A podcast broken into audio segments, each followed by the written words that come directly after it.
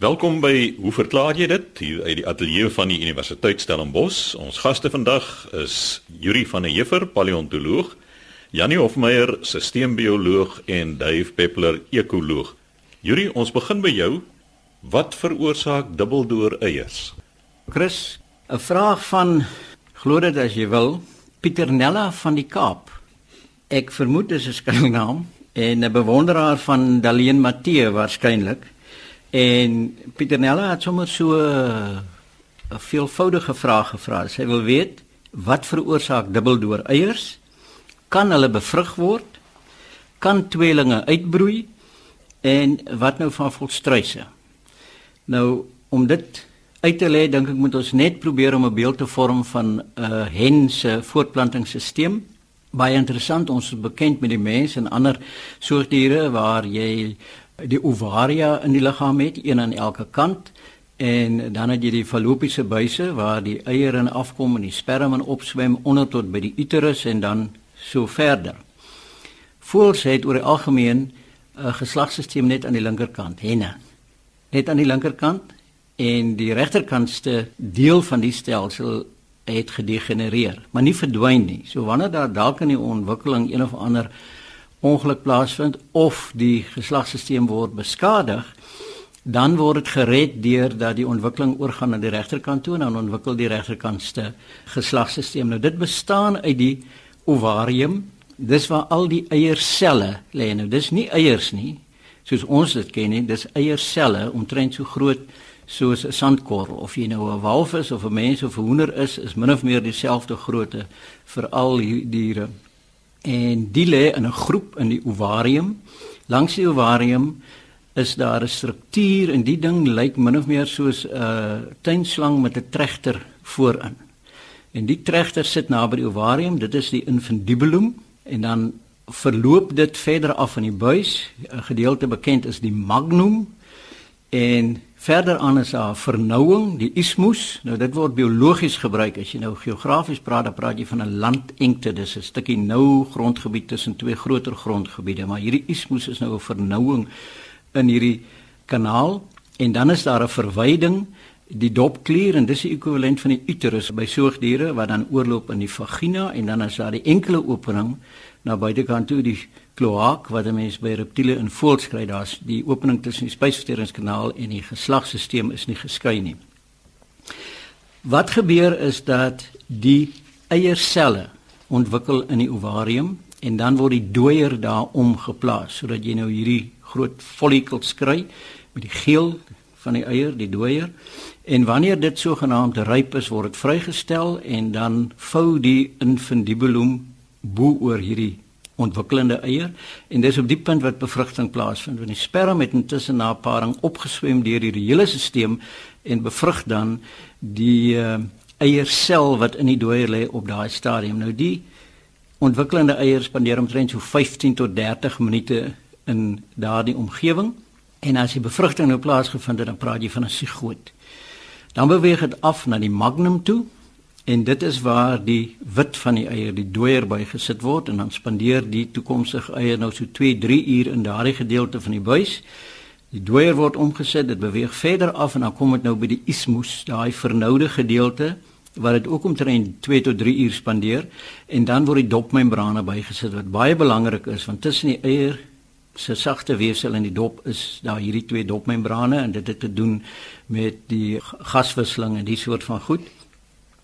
En van daar beweeg dit dan na die dopklier toe, die ekwivalent van die uterus, en dit spandeer tussen 18 en 26 uur in hierdie uterus in die dopklier om nou die dop te bou want 'n voeleier se dop is 'n baie komplekse en 'n besondere struktuur want dit moet waterverlies verhoed maar dit moet toelaat dat koolsuurgas kan deur osmose na buite beweeg en suurstof na binne beweeg. So die hele dop is vol gaatjies spesifiek gespasieer en volgens 'n spesifieke grootte.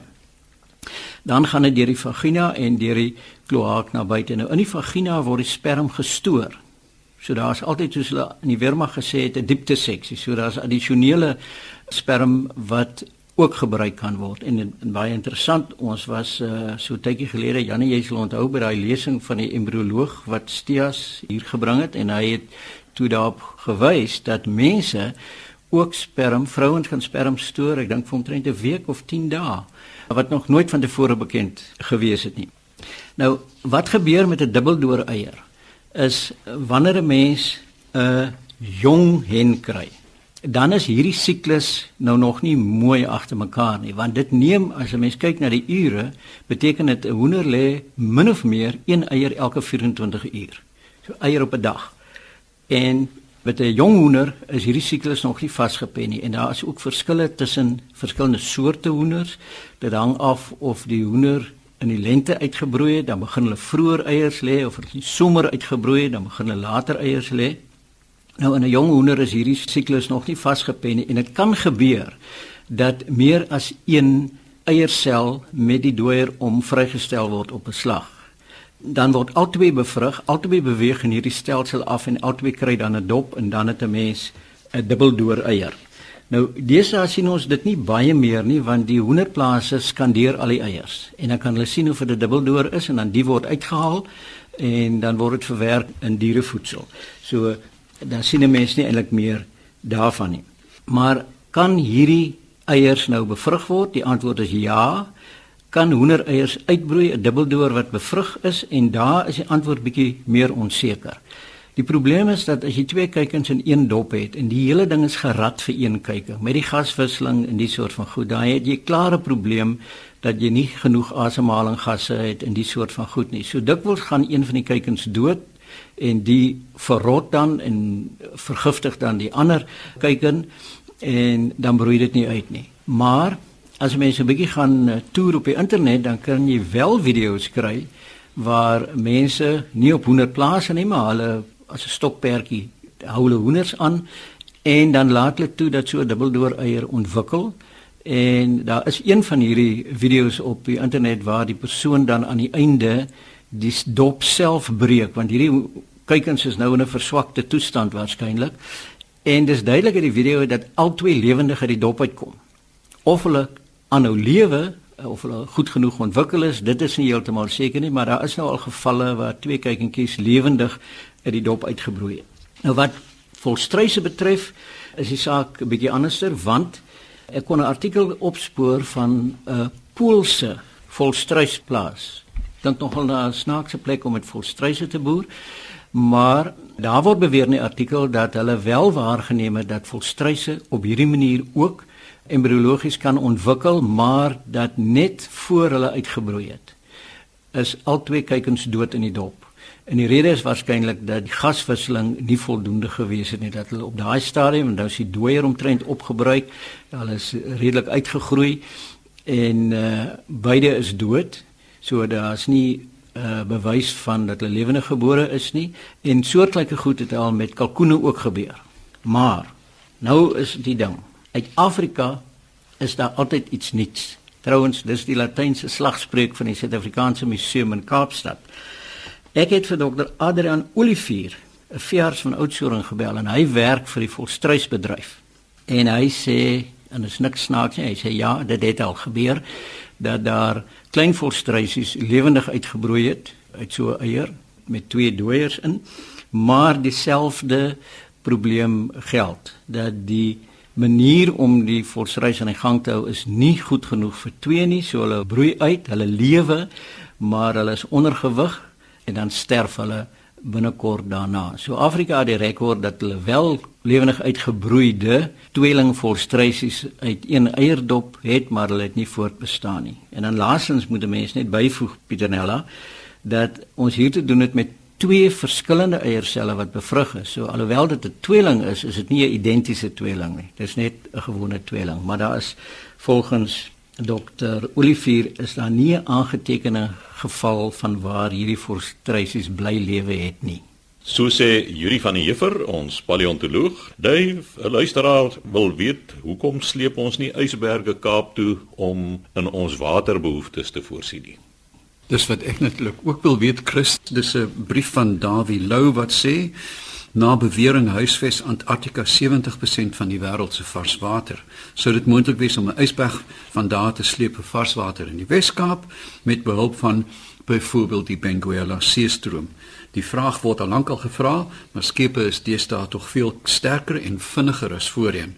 Jou kundiges kan dalk help. Nou ek is duidelik onkundig hieroor, maar kom ons kyk 'n bietjie na waterbehoeftes as 'n tendens teen 2040 sal die aanvraag na water, die beskikbare volumes met 30% oorskry. Ons is reeds op die kantelpunt en dit raak net eenvoudig erger.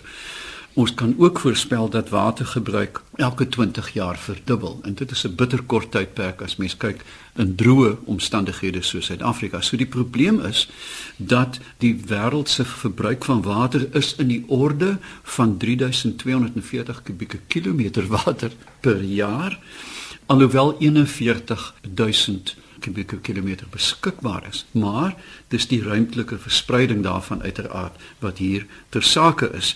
Meeste van die water kom voor op plekke waar daar geen nut daarvoor is nie. En verander duidelik ook nou met klimaatsverandering waar droë plekke nat word, nat plekke droog en omgekeerd teen onvoorspelbare tempos. Daar is uiteraard gesondheidsaspekte dat ons weet dat miljoene en miljoene kinders sterf van diarree en wanvoeding wat direk gekoppel is aan die nie beskikbaarheid van drinkbare water nie. Goed, ons weet dan dat daar reuse volumes varswater in die pole vasgevang is en ons praat uiteraard hier van die suidelike halfrond. Dan moet 'n mens verwys na die wetlike aspekte van die aan wie behoort hierdie ys? kan jy nou eenvoudig net met jou sleepbootjie afvaar vir jou 'n klein ysbergie aanhak en begin 'n uh, koers nee dit werk nie eenvoudig nie so nie ons moet eintlik kyk dat die kuslyn van Antarktika is oneweredig verdeel en toegeken aan 'n aantal moonthede. Hier is dit Engeland, Noorwe kan jy glo, beset 'n groot stuk ys want Amundsen en die mense, hulle het almal gejaag om by die pool uit te kom. Australië, Frankryk, wat maak die Franse daar? Nieu-Seeland, Chili en Argentinië, maar alles is gekoppel aan 'n redelike onlangse Antarktiese verdrag van 1961 waar die beperkings en toegang tot Antarktika baie duidelik omskryf is in terme van wie kan iets daar doen. Die Russe is ook daar, maar ek dink die interessante punte is een dat dit is die enigste kontinent waar niemand woon nie en ons weet in die Noordpool is daar nog Eskimos maar dat Antarktika beperk word tot wetenskaplike navorsing en nie militêre gebruik. Dit is baie duidelik verbind in hierdie verdrag. Nou word die ys dan beskou wat vrygelaat word deur Antarktika as 'n gemeenskaplike erfenis van die mensdom. So die ys behoort aan almal. En dit is nou nie vryskits om nou af te jaag en te gaan uithaal nie, want dit is 'n baie komplekse ding. Daar's tegniese aspekte. Die eerste is die ekonomie van skaal. Jy kan eenvoudig nie aan die afstande tussen Kaapstad en Antarktika dink en dit dink dit raak droog wag of stuur gou 'n boot en gevange ysberg nie. As jy ys wil begin oes, dan moet jy dit gereeld doen in regte die jaar. Jy moet eenvoudig die absolute infrastruktuur daar stel. Met ander woorde, ons begin nou dink aan sogenaamde ystreine dat jy nie net een ysberg nie, maar moontlik 12 of 20 kan koppel aan 'n sleeptuig wat dan op 'n konstante basis die ys lewer aan 'n ontvangsplek naby die Kaap. En die ekonomie van skaal bepaal dat dit baie groot moet wees om dit oor die groot afstande lonend te maak. Die tweede baie groot probleem is, jy kan ook nie net eenvoudig goedsmoeds afvaar in die eerste ysberg gryp nie, want hulle het almal verskillende forme. Met ander woorde, daar moet 'n presortering kom gebaseer op satelliettegnologie wat sê die volgende ysberge het een die volume maar baie belangrik ook die vorm. Dit sou absurd wees om 'n ystrein van vierkantige ysberge te sleep. Langwerpige ysberge het baie minder sleur, weerstand Met ander woorde, dit word krities om te bepaal watter ysberge jy aan mekaar gaan koppel. Dit gaan ook deur die seisoen bepaal word. Onthou, jy moet onthou dat jy hier in die hart van die winter, wanneer die hele suidpool donker is, onthou daai stories van die pikkewyne wat met die kuikens op hulle voete sit of die eier altans. Jy kan nie sê ag, dit is te donker vir gaan yshaal nie, jy moet eenvoudig volhou. Dan die sleeptegnologie. Nou, ons het nog nie kabelsterk genoeg ontwikkel om 'n ystrein te sleep nie. Dit klink absurd, maar as jy dink daaraan dat 'n 15 cm deursnit kabel kan slegs 200 ton effektief sleep. Met ander woorde, ons moet dink aan nuwe materiale, ons moet dink aan nuwe die aanwending daarvan of dit gevlegte kabels of soliede kabels of wat ook al moet wees. Nou dink ons aan die infrastruktuur. Wat gebeur tuis? Wat maak jy met hierdie verskriklike stuk ys as hy nou in die Kaap aankom? Jy jy moet dit skuif van die soutwater daarom. So dit gaan baie baie tegnies innoverend wees om die ys te isoleer. Onthou dit met reg deur die jaar gebeur. Hierdie tegnologie bestaan nog nie. Maar wat gebeur in die suide? Uiteraard alle ysberge is nie geskik om gesleep te word nie. Met ander woorde, ons 'n sortering, soos 'n drukgang waar jy diere uitsorteer en immuniseer. Daar's 'n ysdrukgang moet kom om hierdie verskriklike berge uit te sien. Dan dink ons aan die weer. Liewe hemel, jy weet, die verskil tussen die suidooster en noordweste in die Kaap is nog 'n interessante verskynsel, maar dink aan die sogenaamde roaring 40s, die band van wind wat van oos na wes in die suidelike oseane 'n vlug na Buenos Aires van Kaapstad is gewoonlik 2 tot 3 uur vinniger as die terugvlug, want jy vlieg met 'n 400 km/h gatwind, jy verstaan. Nou ja, dis nie so sterk op die oppervlakte nie, maar dit is juis die winde wat gebruik is deur die befaamde sogenaamde T-klippers van Engeland, soos die Cutty Sark, wat tee in die ooste gaan haal het, na die suide toe geduik het en dan met hierdie verskriklike spoed na die suidpunt van Amerika toe gaan het en dan Engeland. Dit glad nie om die Kaap nie, dit ver suid van die Kaap. Nou moet jy hierdie ysberge deur die Roaring Forties kry en ek dink dit wil gedoen word. So Ons moet versigtig omgaan met die opwindende idee dat natuurlik enige iets is moontlik, maar ek dink dat fondse en ook intellektuele kapitaal kan baie beter toegepas word op die oomblik om staat te maak op beter beplanning, nuwe tegnologie, suiwering van water en hergebruik. Dit sou vir ons baie beter in die medium termyn betaal om liewes daaraan te dink. Ons weet van die ernstige vermorsing van water selfs in droë toestande die gekheid van ons suiweringsstelsel in Suid-Afrika waar gesteriliseerde water op tuine gespuit word en jy jou motor daarmee was. Dit moet eenvoudig end kry. So ja, enige iets is moontlik, maar ek dink die aarde beide in die noorde en die suide is nog ver nie ryp om ys te oes nie. So sê Dave Peppler, ons ekoloog, volgende aan die beurt Janie Hofmeyer, sisteembioloog en Janie, jy het heelwat terugvoer ontvang op vorige programme. Ja, dankie Chris. Ek het so 'n paar weke terug gesels oor die moontlikheid dat mens 'n grootvader klok se radkas kan smeer of die radwerk kan smeer deur 'n bakkie met parafin in die klok te sit en dan die parafin wat dan verdamp sal dan 'n smeeraksie op die rad hê. En uh, ek het gedink dis nie baie goeie plan nie, maar ek is natuurlik nie 'n kenner nie. En so ek het 'n paar voorstelle gemaak en dank Vader het ek nou 'n ekspert gekry in die vorm van Chris Snyman wat 'n horlosiemaker is wat eintlik met my saamstem. So een van die vrae was ek korrek, die volgende een sal ek sien was ek verkeerd. So ons kom net nou daarby. Maar kom ons lees wat Chris sê. Hy sê na aanleiding van gister, dit was nou 14 Mei se program. Dis heeltemal korrek dat parafiendamp op horlosieratte sal lei tot stofneerlegging. Dit was my voorstel geweest op die ratte met ernstige slytasie tot gevolg. Die parafin plus stofkombinasie sal die uitwerking hê van slyppasta, soos Engelse grinding paste. Hy sê horlosieratte word glad nie geolie nie. Slegs die spulassies, die word geolie met slegs 1 of 2 druppels horlosieolie in die olievakkies.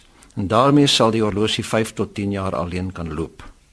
Hy sê 'n ander fout is dat mense soms die uurwerk van 'n horlosie wat lank na die 10 jaar gaan staan het, met produkte soos Q20 of WD40 spuit.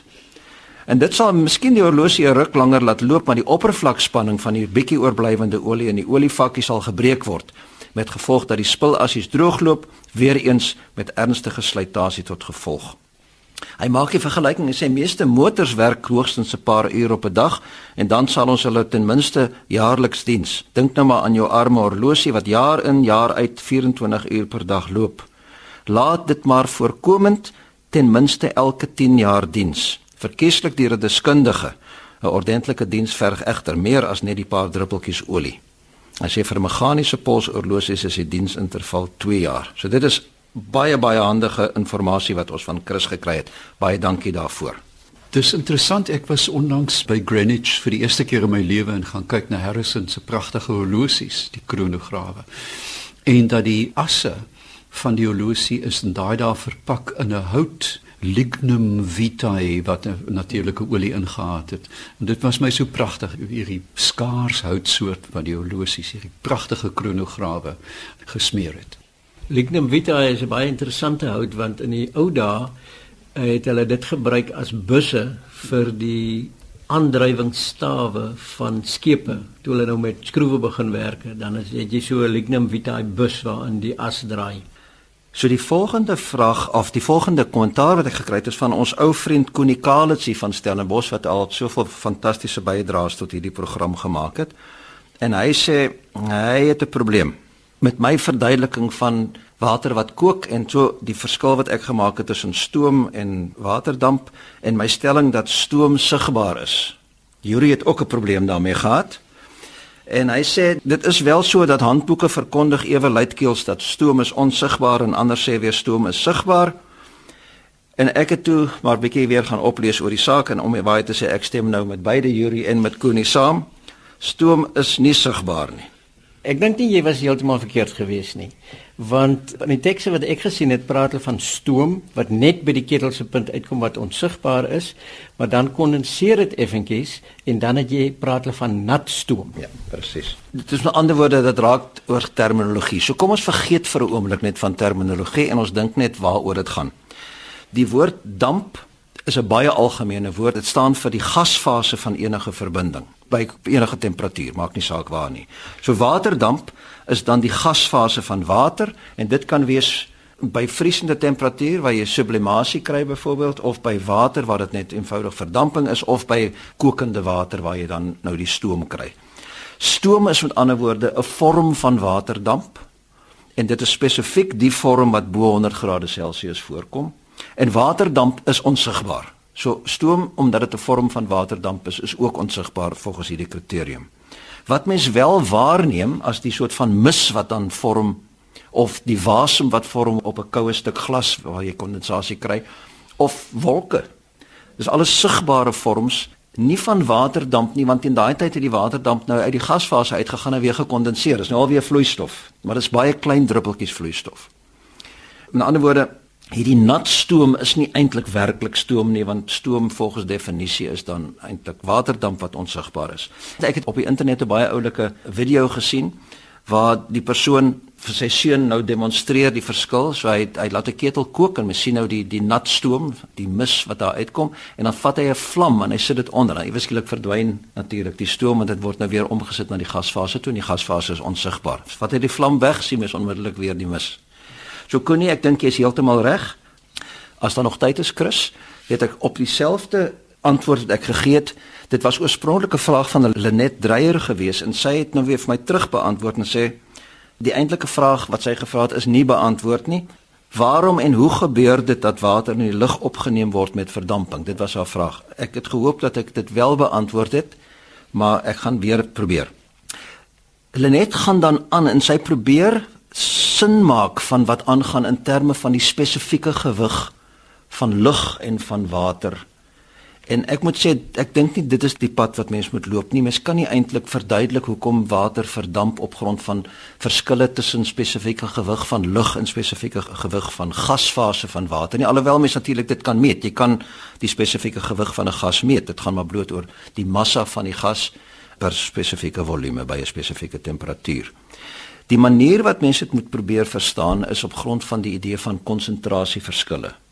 So Lenet vergeet op die oomblik vir 'n oomblik net van water wat kook. Dink aan gewone water en as mens nou baie versigtig 'n dun laagie ink bo-op die wateroppervlak kan neersit, wat gaan gebeur? So as mens nou na die glas kyk byvoorbeeld waar dit nou in voorkom, dan sal mens sien dat die blou van die ink of die swart van die ink begin nou stadig deur die water beweeg. Ons noem dit diffusie sodat op die ou end die hele ding in ewewig kom en dan het jy nou so 'n ligte blou of wat ook al, ligte gryserige soort van water. Die rede hoekom die proses plaasvind is omdat daar konsentrasieverskille is tussen aan die begin die oppervlak van die water en die res van die water en dit word bloot net deur die proses van diffusie word dit versprei. Met ander woorde die molekule het 'n ewekansige beweging en sodoende beweeg hulle stadig deur die hele vloeistof totdat daar 'n ewig bereik word. En presies dieselfde gebeur wanneer water verdamp op die oppervlak van vloeibare water. Daar's dan 'n hoë konsentrasie net bo kan die oppervlak. Die res van die lug is 'n lae konsentrasie in die molekules van die water diffundeer bloot uit. As dit 'n geslote houer is, dan gaan dit diffundeer totdat daar ewewig bereik word sodat die tempo van verdamping presies teenoorgestel is aan die tempo van herkondensasie op die oppervlak en so dan is daar netto geen verdamping meer nie. So die lug is dan versadig met water. Hoe vinnig dit gebeur hang egter af van die spesifieke digtheid, eintlik die viskositeit eerder. So as mens nou stroop vat byvoorbeeld en jy sit die ink daarop neer, dan gaan daar ook diffusie plaasvind, maar dit gaan bitter bitter bitter stadig plaasvind. Maar die proses is nog dieselfde. Dit is nog altyd 'n konsentrasie gradiënt gedrewe proses. En natuurlik dieselfde met gas. Lug het 'n spesifieke digtheid. Jy kry baie swaarder gasse. As dit nou bo kan die wateroppervlak is, dan gaan nog steeds die water gaan verdamp, maar dit gaan baie stadiger plaasvind omdat daar nou 'n meer viskose gas aan die buitekant is. So net, ek dink mens moet die ding net eenvoudig in terme van diffusie probeer verduidelik en die diffusie hang af van verskille in konsentrasie. Ja, so sê Jannie Hofmeyer, ons sisteembioloog. Skryf gerus aan ons by hoe verklaar jy dit? Posbus 2551 Kaapstad 8000 of stuur 'n e-pos aan chris@rsg.co.za.